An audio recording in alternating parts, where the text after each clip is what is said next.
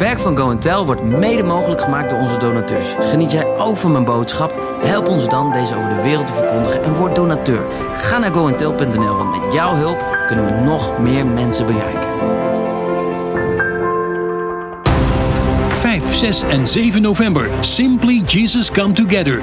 Een uniek evenement waarmee God ons land zal raken. Een weekend voor en met echt iedereen. Opwekking, vrij zijn, Mosaic Worship, Beam, In Salvation en LZ7. Ze zijn er allemaal bij. Als bijzondere verrassing zal Louis Giglio van Passion City Church ook aanschuiven. Om over inspirerende en unieke topics te spreken. Join us tijdens Simply Jesus Come Together. Alle info en tickets op simplyjesus.nl.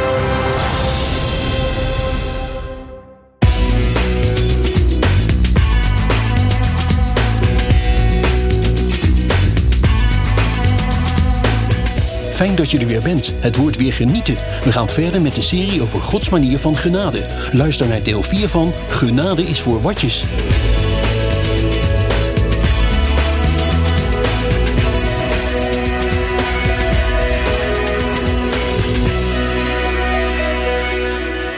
We bevinden ons in de Bijbelstudie Genade is voor watjes. En we hebben het over het verhaal van Job. Job die ehm, wordt goed depressief omdat hij ziek is. Zijn vrouw eigenlijk zegt vergeet het maar. Ehm, en hij gek wordt omdat hij denkt, ja, ik heb me aan alle regels gehouden. Hoe kan het dan zijn dat mij dit overkomt van alle mensen? En dat gevoel, dat kennen we allemaal. Ook al zijn wij mensen met fouten. Toch denken we, maar dat heb ik niet verdiend. Het is een soort rechtvaardigheid, een soort ja, zelfrechtvaardigheid. Van, ik heb toch zo mijn best gedaan. Zeker zie ik dat ook bij heel veel mensen die hun hele leven God hebben gediend en aan het einde ziek worden en toch, toch van ja, hoe kan dat dan? En, en waarom is dat zo? En het is mens eigen om dan op zoek te gaan naar allerlei verklaringen. En daar kunnen we ontzettend in vastlopen en ook anderen mee kwetsen. En dat is precies wat er hier ook in Job gebeurt. En het is zo mooi om met elkaar ook te kijken naar hoe kijkt God daarnaar? Wat vindt hij daarvan? En hoeveel klopt er ervan wat we op dat moment met elkaar bespreken en wat onze conclusies zijn? Job is er slecht aan toe en hij heeft ondersteuning van zijn vrienden nodig. En um, die komen ook bij hem langs. En Job is er zo slecht aan toe dat de Bijbel zegt dat ze zeven dagen niks tegen hem durven te zeggen. Gewoon omdat ze niet weten wat ze zeggen moeten. Ik vind dat indrukwekkend. En dan is Job de eerste die het gesprek opent en die zegt: Ja, eigenlijk, zoals we al eerder hebben gehoord, ik weet het niet. Ik snap het niet. Ik weet niet waarom. Het doet me pijn. Ik zit in deze ellende. Ik snap het niet. Waar heb ik dit aan verdiend? En dan is het uh, de eerste vriend die zich tot hem richt. En wat belangrijk is om te zien, is er komen drie vrienden aan bod. En die drie vrienden hebben allemaal hun, eigen lens op het leven. En die lens die leggen ze op de situatie van Job. En dat is hun lens. Het is hun point of view. En die nemen ze mee. En zo zijn wij ook gewend om door een bepaalde lens naar het leven te kijken. Zo ben je, zoals dat heet met een moeilijk woord, geconditioneerd door het leven, door je omgeving, door de plek waar je bent opgegroeid, door je kerk waar je in hebt gezeten, door wat mensen hebben gezegd. Als mensen hun hele leven tegen jou hebben gezegd, ja, uh, ziekte is een gevolg van zonde en als je niet goed gedraagt, kun je ziek worden, dan is dat wat jij uh, gelooft. En daarom is het belangrijk om op zoek te gaan naar, klopt dat? Is dat waar? Is dat wat de Bijbel zegt? Um, nou, daar gaan we met elkaar ook naar kijken. Um, de eerste vriend die eigenlijk het gesprek durft te openen, dat is uh, Elifas. En in Job 4, vers 2 staat het volgende. Kun je verdragen dat iemand het woord tot je richt? Dus Job die zegt, ja, ik weet niet waar ik dit aan heb verdiend. En dan zegt hij, kun je het wel aan als ik ga zeggen wat ik echt denk, wat ik echt vind? Maar wie zou nu kunnen zwijgen, zegt hij. Eh, ik, ik, ik moet er wat van zeggen. En met een heleboel mooie woorden, je moet het zelf maar lezen, komt hij uiteindelijk tot de conclusie en zegt hij: Job, je moet toch iets fout hebben gedaan. Een zonde, een uh, verkeerde keuze. Je moet een deur hebben geopend in je leven waardoor de vijand kon binnenkomen en van je kon roven. Wat heb je verkeerd gedaan? En mijn vraag aan jou vandaag is: Herken je die vraag? Ik wel. Want ik stel hem aan mezelf op het moment dat er iets misgaat in mijn leven. En als ik hem niet aan mezelf stel, dan zijn er heel veel andere mensen die hem voor me willen stellen. En als je ziet wat de bron is waar deze vraag vandaan komt, dan begrijp je ook waarom die vandaag de dag nog circuleert. Op het moment dat de vrienden van Job ten tonele verschijnen, zien we eigenlijk dat de aanklager, de duivel, niet meer nodig is. Hij gaat naar de achtergrond. Hij heeft de schade aangericht. En nu gaat het oordeel en de veroordeling via de vrienden van Job richting de persoon van Job. En ik denk dat dat vandaag de dag nog steeds gebeurt. Daarom noem ik dit thema ook het duivelse gesprek. Er is een gesprek gaande waarin we altijd zoeken naar hoe heeft dit nou kunnen gebeuren? Wat is er misgegaan? Waarom is dit gebeurd? Welke fout heb je gemaakt? Welke zonde heb je begaan? Welke dingen moet je nog opruimen? En even los van het feit dat als je gezondigd hebt en je hebt er een potje van gemaakt en je geweten overtuigt je ervan, de Heilige Geest zegt opruimen, doen. Doen. Doen in Jezus' naam. Maar ga niet graven naar dingen die niet relevant zijn, omdat je verschrikkelijke dingen in je leven meemaakt. Maar dat is wat deze beste man doet. En die zegt aan het einde van het verhaal: Ja, weet je wel. Uh, ja, Boontje komt om zijn loodje. wees nou maar eerlijk. Zeg maar gewoon wat er mis is gegaan. En het mooie verhaal aan Job is dat Job een man is die God eigenlijk voor ons neerzet als een voorbeeld van iemand die echt niets verkeerd had gedaan en toch door de ellende heen ging. Dat heeft hij denk ik echt gedaan, zodat jij en ik ons daarin kunnen identificeren als we zoveel onrecht voelen over wat ons gebeurt. En nogmaals, wij hebben waarschijnlijk tal van dingen waarvan we zeggen, ja, maar dat zouden we toch echt wel beter kunnen doen of wat dan ook. En daarom is het nog moeilijker om bij die aanklacht weg te blijven. Omdat je dan ergens kan geloven, ik heb het wel verdiend. Maar het mooie is, wij hebben het verbond van Jezus. En dat verbond is zoveel sterker als dat Job dat nog had. Hebben Gods genade. Zijn bloed heeft voor ons gevloeid. Hij is uh, in onze plaats de schuldige geworden en heeft de vloek van de wereld afgenomen. Fantastisch. Dus die eerste lens staat eigenlijk voor zonde, voor veroordeling, voor voor wat hoort wat. Je hebt een verkeerd gedaan. En dan komt de, de, de tweede vriend, dat is uh, Bildad. En uh, die gaat eigenlijk over de tradities van de generaties. En die zegt in een heleboel woorden, zegt hij, ja Job, uh, waarschijnlijk heb je toch je afgekeerd van wat wij gewend zijn met elkaar om te doen. Je bent buiten de regels gaan. Tekenen, kleuren. Je hebt dingen gedaan die niet in lijn zijn met hoe wij dat zouden aanpakken. Hoe onze voorouders dat hebben voorgeschreven. Dus je hebt je niet gehouden aan de traditie. En ook dat is een bekende vandaag. Als we buiten de traditie vallen, als we niet doen wat er van ons verwacht wordt, dan is er soms een sfeertje waarin blijkt dat we ja, de grabbel worden gegooid aan de vijand. En dat er daardoor allerlei ellendige gevolgen in ons leven kunnen komen. En als het dan moeilijk is, kunnen ze zeggen: ja, heb je gezondigd? is de eerste lens. De tweede lens is: heb je je wel aan de traditie gehouden? Job 8, vers 5. Als jij jezelf tot God zult wenden en de onzagwekkende om genade smeekt, dan.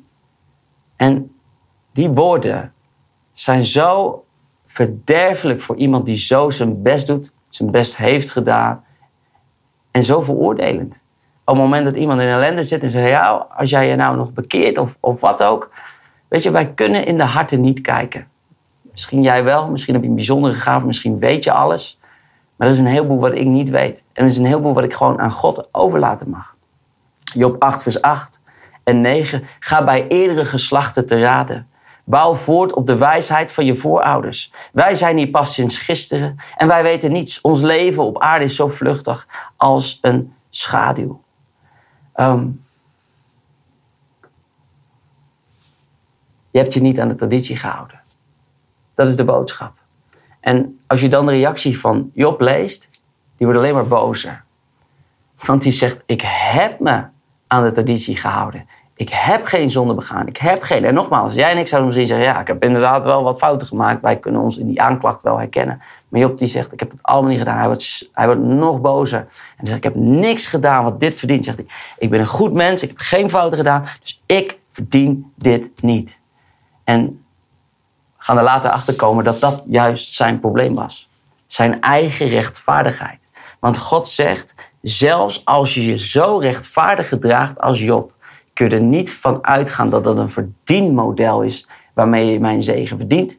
Of waarmee je uh, verdient, dat je nooit niet wat zal gebeuren. Het is mijn liefde en mijn genade en mijn verbond waar je op mag vertrouwen. En dat is een inclusief verhaal voor alle mensen met pijn, moeite, tekortkomingen. Voor alle mensen die genade nodig hebben. Het is zo'n ontzettend mooi verhaal. Ik hoop dat je met mij ziet dat God een goede God is. Juist misschien wel door dit enorme moeilijke uh, boek heen. Nou ja, ik heb net al even gezegd, de duivel was niet meer nodig, want die begon aan te klagen via de vrienden. Um, Job 20, vers 4 en 5. Weet je niet dat al sinds mensenheugenis, sinds de mens op aarde is gezet, het gejuich van goddelozen snel verklinkt en de vreugde van misdadigers kortstondig is? Dat zeiden zijn vrienden. Zei Job, weet je dan niet dat het slecht gaat met mensen die slechte dingen doen? Oh mijn goodness. Job zat al zo in de put. En vervolgens gaan ze hem nog een keer dieper en dieper en dieper erin praten. Ik moet denken aan een prachtig mooi voorbeeld van een man in de put. En komt iemand langs en die, uh, die, die, die, die, die zegt van... joh, uh, zo'n grote put, hoe, hoe ben je daar nou in terecht gekomen, weet je wel? En dan komt er een, uh, een bouwkundige langs en die, en die gaat meten hoe groot die put is... want er moet wat aan die put gedaan worden. En iedereen, hè, er komt een fariseer langs en die zegt... joh, je zit in de put omdat je gezondigd hebt. En het is eigenlijk een beetje ditzelfde verhaal. En uiteindelijk komt Jezus langs die put... en die strekt zijn hand uit in die put... en die tilt de persoon gewoon bovenuit en zet hem daarnaast.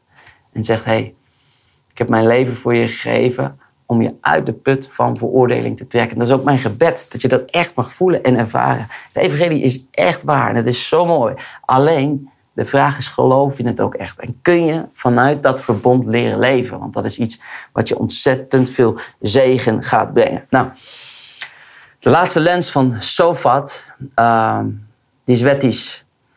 En die gaat over, uh, nou ja, als je je aan de regels houdt, als je de wetten volgt, als je uh, doet wat er van je gevraagd is, dan zou je nooit zo in de problemen kunnen komen. Dus drie verschillende lenzen in het leven. En die eerste lens is, je hebt gezondigd. Die tweede lens is, uh, je hebt de tradities verbroken. En de laatste lens is, je bent van de wetten afgeweken. En allemaal is oorzaak, gevolg, oorzaak, gevolg, oorzaak, gevolg. En vervolgens, het is jouw schuld. Maar ik heb een vraag aan jou. Wat kun jij eraan doen dat je in deze wereld geboren bent? Had je een keus? Nee. Je had geen keus. Je bent hier geboren. En ik heb een nog belangrijkere vraag. Wat kun je eraan doen dat je in zonde geboren bent? Had je daar een keuze? Nee. En daarom is het belangrijk om te leren leven in dit gebroken leven. Met je schaduwzijde. Met wat je moeilijk vindt in het leven. En daarin de onvoorwaardelijke liefde van God. Als jouw hemelse vader, zoals de Bijbel dat uitlegt toe te passen naar jezelf. Er is geen mens op aarde die uh, aangaat op schuld en veroordeling, die dat heerlijk vindt en daar een beter mens van wordt. Dat is gewoon niet zo. En de mens is geprogrammeerd om pijn te ontwijken. We hebben zoveel copings of we willen die pijn niet voelen. Maar het mooie van het evangelie is dat in Gods genade je pijn kan genezen. Omdat God zegt, kom zoals je bent met je moeites, met je oordeel, met je veroordeling, met alles waar je mee loopt. Dat is het evangelie. dan gaan we nog even verder kijken. Dus de gesprekken die we vandaag de dag om ons heen horen, gaan nog steeds over wat heb je verkeerd gedaan? Volg je de tradities wel? Heb je de wetten wel gehoorzaamd? Er moet iets zijn waarom je zit in de situatie waarin je nu zit. En soms is het ook zo, hè? oorzaak, gevolg. Maar haal het oordeel ervan af. Je bent een mens en je maakt fouten. En in die fouten, zegt God, mag je bij mij komen. Wat is jouw lens? Door welke lens kijk jij? Wat heb je meegekregen uit je opvoeding? Wat heb je meegekregen uit je kerk? En klopt die lens met hoe God ook kijkt naar deze wereld? Er is een verhaal waarin Jezus met zijn discipelen in het Nieuwe Testament aan het wandelen is. En dan is er een toren, de toren van Siloam, die is bovenop een aantal mensen gevallen. Mensen zijn overleden. En dan zeggen de discipelen tegen de Heer Jezus: Oké, Heer, uh, wat hebben die mensen aan zonde gedaan dat dit hun is overkomen? En Jezus zegt: Nou, helemaal niks. Sterker nog, ik zeg je, ik waarschuw je, als je zo blijft denken, moet je oppassen dat dat soort dingen jullie niet overkomen. In andere woorden, die manier van denken, van zonde, oorzaak, gevolg, trekt dingen op je af van oordeel die niet oké zijn, maar komen niet uit de koken van God. Er is een bepaalde vrijheid in Christus die zo belangrijk zijn. En als mensen door moeilijke dingen heen gaan, stop te denken dat ze het verdiend hebben, want we verdienen allemaal niet het allerbeste. Het enige wat we mogen ontvangen, dat is Gods liefde en Gods genade voor jou en mij. Ik vind het prachtig. Dan is er nog een verhaal. En ehm, daar wil ik je mee meenemen. En ik ga het heel even aan je voorlezen. Lucas 13, vers 6. Hij vertelde hun deze gelijkenis. Iemand die had een vijgenboom en in zijn wijngaard geplant. En die ging kijken of die boom vrucht droeg. Dus of het goed met hem ging. Maar hij vond geen vijgen. En hij zei tegen de wijngaardenier... Al drie jaar kom ik kijken of die vijgenboom vrucht draagt. Maar tevergeefs. Hak hem maar om, want hij dient nergens toe. Hij put alleen de grond maar uit. Maar de wijngaardenier die zei, heer, laat hem ook dit jaar nog met rust. Totdat ik de grond eromheen heb gespit. En hem mest heb gegeven. En misschien zal hij dan komend jaar nog vrucht dragen. En zo niet, dan kunt u hem alsnog omhakken. Dit is zo'n mooie les. Want drie jaar lang is er geen vrucht. Drie jaar lang is er geen vrucht. In deze boom. Drie opties. Drie vrienden. De wet geeft geen vrucht. Gehoorzaamheid is niet de vrucht waar wij van gaan leven. Dus als het gaat om, heb je de wet wel gehoorzaamd? Heb je de tradities wel gevolgd? En de laatste is, wat heb je verkeerd gedaan? Welke zonde heb je gedaan? Drie. We hebben drie verschillende manieren waarin mensen God proberen te pleasen. En God zegt, daar gaat het niet om. En dan is het zo mooi, het lukt me niet. Ik heb alles geprobeerd. En toch, Job die zegt, Job die deed al die drie dingen namelijk perfect. En jij zou misschien kunnen denken, ja, ik doe ze niet allemaal perfect. Dus ja, de gevolgen zijn zichtbaar. Maar God gebruikte Job als voorbeeld. En hij zei, hij deed het perfect als het hem al niet lukt. En hij toch al deze ellende over zich kreeg. Is het dan misschien niet iets waar je aan over moet geven dat veel groter is dan je eigen gedrag wat dit zou kunnen dragen? En dat is waar het om gaat. Dan komt de wijngaardenier. En dat is de Heer Jezus. En zegt, geef mij nog één jaar. Geef mij nog één kans. Ik ga de grond bewerken en ik ga hem vruchtbaar maken. En dat is de boodschap van het evangelie. Je kunt het zelf niet doen door middel van gedrag. Nou, je moet onderscheid maken. Want er zijn een hoop dingen die je als mens kunt doen. Je kunt nadenken over waar je over nadenkt. Je kunt positief zijn. Je kunt goede keuzes maken. Wie goed doet, wie goed ontmoet. Als je een zegen bent. Maar let op, wat zei de Bijbel in het begin van Job? Al die dingen raken jezelf. Je goddeloosheid raakt jezelf. En het raakt anderen om je heen op het moment dat je rechtvaardig en goed bent. Doe het niet om te verdienen, maar doe het om een zegen te zijn. Doe het om je leven te verrijken. En dank God ervoor. Maar denk niet dat je bij God een soort ja, indruk maakt, een plusje achter je naam van gedrag. Want met God heb je contact op basis van wat Hij voor jou deed aan het kruis van Golgotha. Zo ontzettend krachtig om je daar bewust van te zijn. En dan gaan we afronden, want we zijn alweer bijna aan het einde eh, van deze studie. En dan komt Elihu aan het woord. En daar hebben we in de vorige serie al even naar gekeken. Ehm, en Job 34, vers 12, die zegt: God die zal geen uh, slechtheden begaan. De Almachtige zal het recht niet verdragen. Uh, en Elihu zegt een aantal hele uh, mooie dingen. Hij neemt het op voor God. En hij zegt, hij, zegt, hij heeft niets verkeerd gedaan. En, en um, Elihu die zegt, Job, je blijft je maar beroepen op je eigen rechtvaardigheid. Ik heb het niet verkeerd gedaan. Dus ik verdien dit niet. En zelfs al jouw rechtvaardigheid, Job, kan niet op tegen wie God is in essentie. En um, Job 35, vers, vers 1 tot 9 zijn opnieuw die prachtige woorden. Denk je dat het juist is om te zeggen: Ik sta recht tegenover God, ik heb het allemaal goed gedaan. Wat baat het u dat ik niet zondig, wat heeft u daaraan? Enzovoort. Uh, Job 35, vers 10. Maar niet één van hen zegt: Waar is God, mijn maker? Hij die in de nacht mij de kracht geeft. Uh, het is zo belangrijk dat je ziet dat jouw goede gedrag niet een transactie is naar de hemel, maar vooral een zegen voor jezelf. Um, dan ga ik nog heel even kijken. Dan is aan het einde, vind ik zo mooi dat, dat God zelf verschijnt. En dan gaat hij in gesprek met Job en dan staat er in Job 38, vers 4 tot 7. Waar was jij, zegt hij, toen ik de aarde grondvestte? Vertel het me, als je zoveel weet. Wie stelde haar grenzen vast? Jij weet dat toch? Wie strekte haar medeleend over haar uit? Waar zijn de sokkels verankerd? En wie heeft haar hoekstenen gelegd? Terwijl de morgensterren samen jubelden en Gods zonen het uitschilden van vreugde. God die verdedigt zichzelf niet eens. Die gaat niet eens eens in op alles waar hij de schuld van kreeg. Maar hij presenteert zichzelf in alle glorie. En ik denk dat het zo belangrijk is, is dat wij leren dat ons gedrag niet iets is waar we God mee pleasen, maar dat God pleased met ons is door wat Jezus deed voor ons.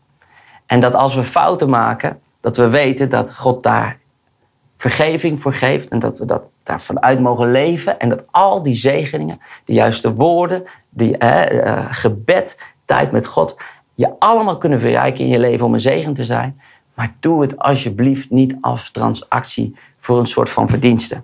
En um, dan gaan we aan het einde uh, van het verhaal nog heel even zeggen.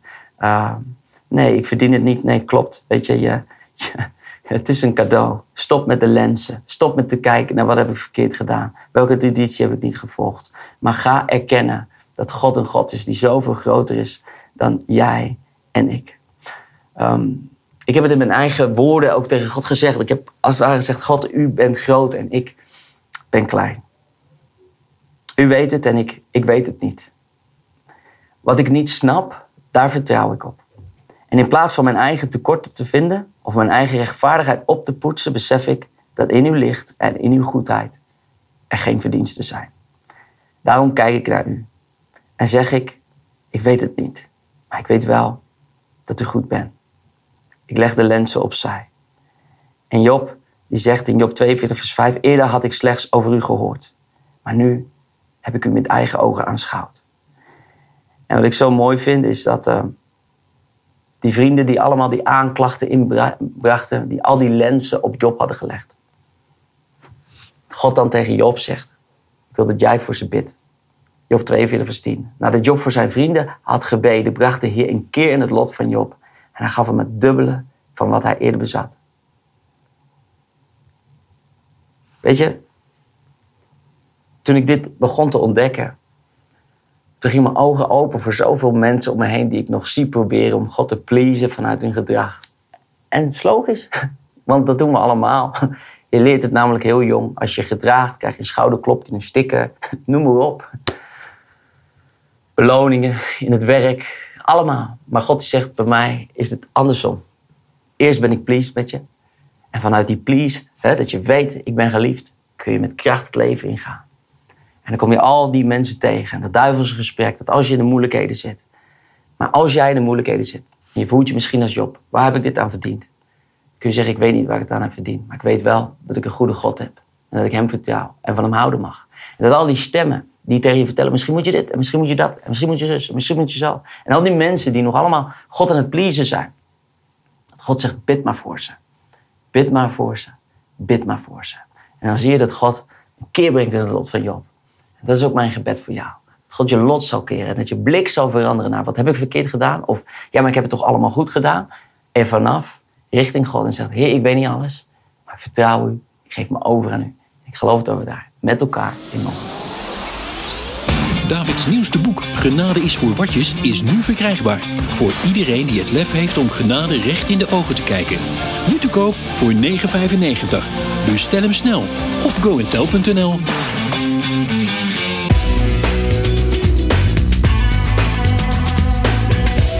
Dat was hem alweer. We hopen dat je hebt genoten en zien uit naar je reactie op info.goentel.nl. Check ook onze webshop voor het boek Genade is voor watjes. En vergeet je niet aan te melden voor Simply Jesus Come Together. Alle info op onze site en in de app.